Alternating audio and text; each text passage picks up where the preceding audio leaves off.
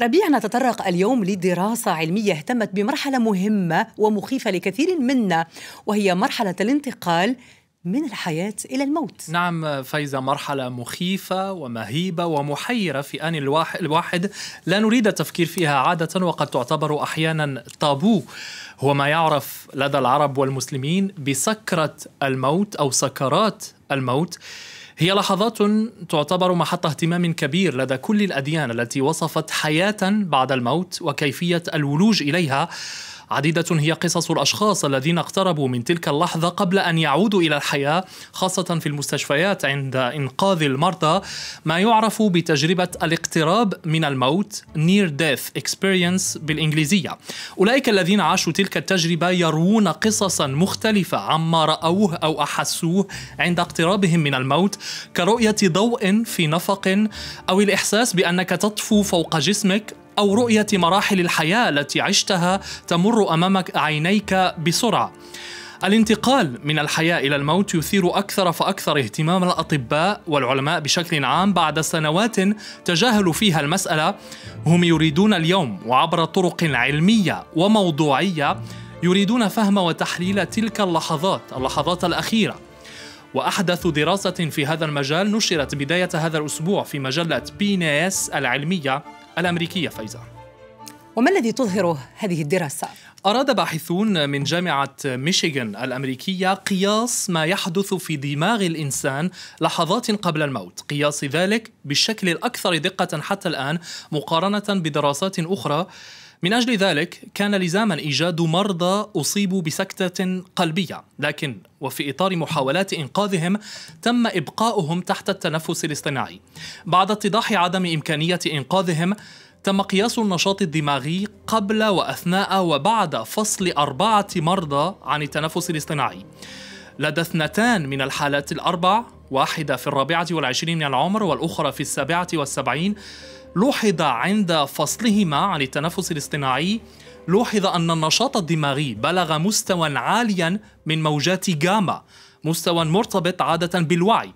وحدد الباحثون المنطقة الأكثر نشاطا في الدماغ خلال اللحظات الأخيرة للمريضتين ألا وهي منطقة الموصل الصدغي الجداري. منطقة أثبت فيما قبل ارتباطها بتذكر الأحلام. النشاط الذي تم رصده في الدراسة يشبه ذلك الذي لوحظ عند أناس يعانون من هلوسات بصرية أو شعور بالتواجد خارج الجسم وما الذي يعنيه ذلك ربيع؟ قد يعني حسب المشرفة عن الدراسة قد يعني أن المريض قبل الموت يرى شيئا ما أو يسمع شيئا ما أو يعيش تجربة تجربة خارج الجسم قد يتطابق ذلك مع شهادات الذين عاشوا تجربة الاقتراب من الموت لكن تبقى تلك فرضية يجب التدقيق فيها. لماذا؟ لأن المشرفين عن الدراسة يعترفون بأنهم لا يفهمون لماذا. لاحظوا ما تحدثنا عنه. لدى حالتين فقط من أصل أربع حالات شملها البحث. أربع حالات في المجموع إذن رقم ضعيف. لا يمكن أن يستنبط منه استنتاج عام ونهائي. لكنها بداية جيدة تنبئ بدراسات جديدة أوسع فهي من بين الدراسات القلائل لدى الإنسان تتطابق بشكل كبير مع ما لوحظ عند حيوانات في تجارب مماثلة يقول الباحثون. لكن ربيع قلت في البداية إن دراسة سابقة اهتمت بما يحدث في الجسم عندما يفارق الحياة. نعم دراسات سابقة مشابهة أو مختلفة من حيث المنهجية بقي العديد منها حبيس الأوساط العلمية هناك مجلات حاولت إبرازها للعموم. مثلا مجلة سيونسيفي الفرنسية كانت خصصت غلافها لثلاث من تلك الدراسات التي تصف ما يحدث خلال سكرات الموت. دراسات فارقة نشرت عام 2018 تقول المجلة. أبرزها تشبه كثيرا التجربة التي تحدثنا عنها بداية. دراسة قام بها فريق من علماء الأعصاب في جامعة لا شاريتي في برلين وشملت تسع حالات. تسع حالات لأشخاص كانوا في العناية المركزة بعد أن أصيبوا بجلطات دماغية حادة. في هذا الإطار في هذا الإطار تم ربط أدمغتهم مباشرة بأجهزة قياس النشاط الكهربائي العصبي لكن وبعد أن اتضح أن لا أمل في إنقاذهم وافقت عائلات المرضى بأن يواصل أطباء الأعصاب قياس النشاط الكهربائي في الدماغ خلال مرحلة الموت لكي يروا ما يحدث.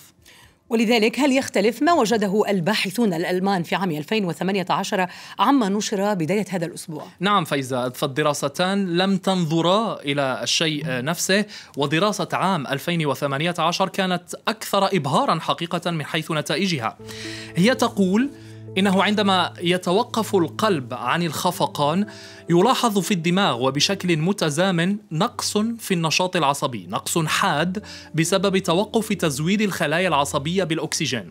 كما لو أن تلك الخلايا تشعر بالمشكل فتقرر تخفيف استهلاك ما تبقى من مخزون الطاقة لديها. يستمر ذلك لثلاث دقائق تقريبا. في هذه المدة تبقى الخلايا العصبية سليمة وقد تعود إلى العمل بشكل عادي إذا هي إن هي زودت بالأكسجين من جديد. في غياب ذلك مخزون الطاقة ينخفض رغم ضعف النشاط العصبي إلى أن يصل إلى مستوى خطير بالنسبة للخلايا.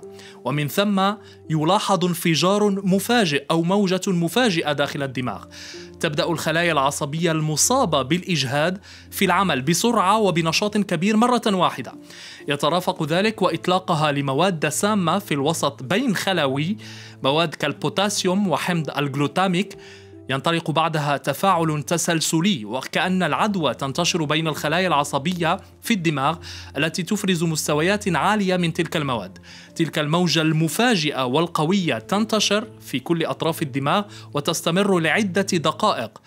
مراحل تلك الموجة تم تصويرها في الدماغ كما نشاهد هنا في هذه الصور عبر تقنية التضوء عبر الأنسجة ترانسليميناسيون في نهاية المطاف وبسبب كثرة المواد السامة المفرزة تموت تدريجيا الخلايا العصبية أمر لا رجعة فيه. إذا الموت الدماغي وحسب الدراسة ليس أمرا آنيا بل يدوم لدقائق عديدة ويسبقه نشاط عصبي كثيف ومفاجئ. فإذا والسؤال الذي يطرح خلال هذه المدة هل يشعر الإنسان بشيء ما وهل يكون واعيا؟ الدراسة الألمانية لا تجزم بذلك، لكن المشرفين عنها لا يستبعدون فرضية أن الانفجار العصبي أو الموجة العصبية التي وصفنا مراحلها هي التي تشرح تجربة الاقتراب من الموت أي أن ما وصفه الناجون من الموت من أحاسيس وصور آه، مرتبط بتلك الموجة. فالباحثون يقاربون بين ما يحصل في الدماغ عند سكرة الموت مع ما يحدث أحيانا لبعض مرضى الصداع الحاد والذين بدورهم يصفون هلوسات بصرية كظهور بقع مضيئة مثلا. فهل الانتقال من الحياة إلى الموت يترافق بهلوسة وأوهام؟ أم هي فعلا علامات الولوج إلى عالم آخر عالم ما بعد الممات؟ لا أحد عاد من هناك فاذا ليعطينا يعطينا الخبر اليقين. لتبقى سكرات الموت والموت بشكل عام السؤال الذي ما زال يحيرنا في القرن الواحد والعشرين كما حير أسلافنا عبر الأجيال لآلاف وآلاف السنين. شكرا جزيلا لك ربيع أس إبراهيم على كل هذه التفاصيل في فقرة العالم علوم. شكرا لك.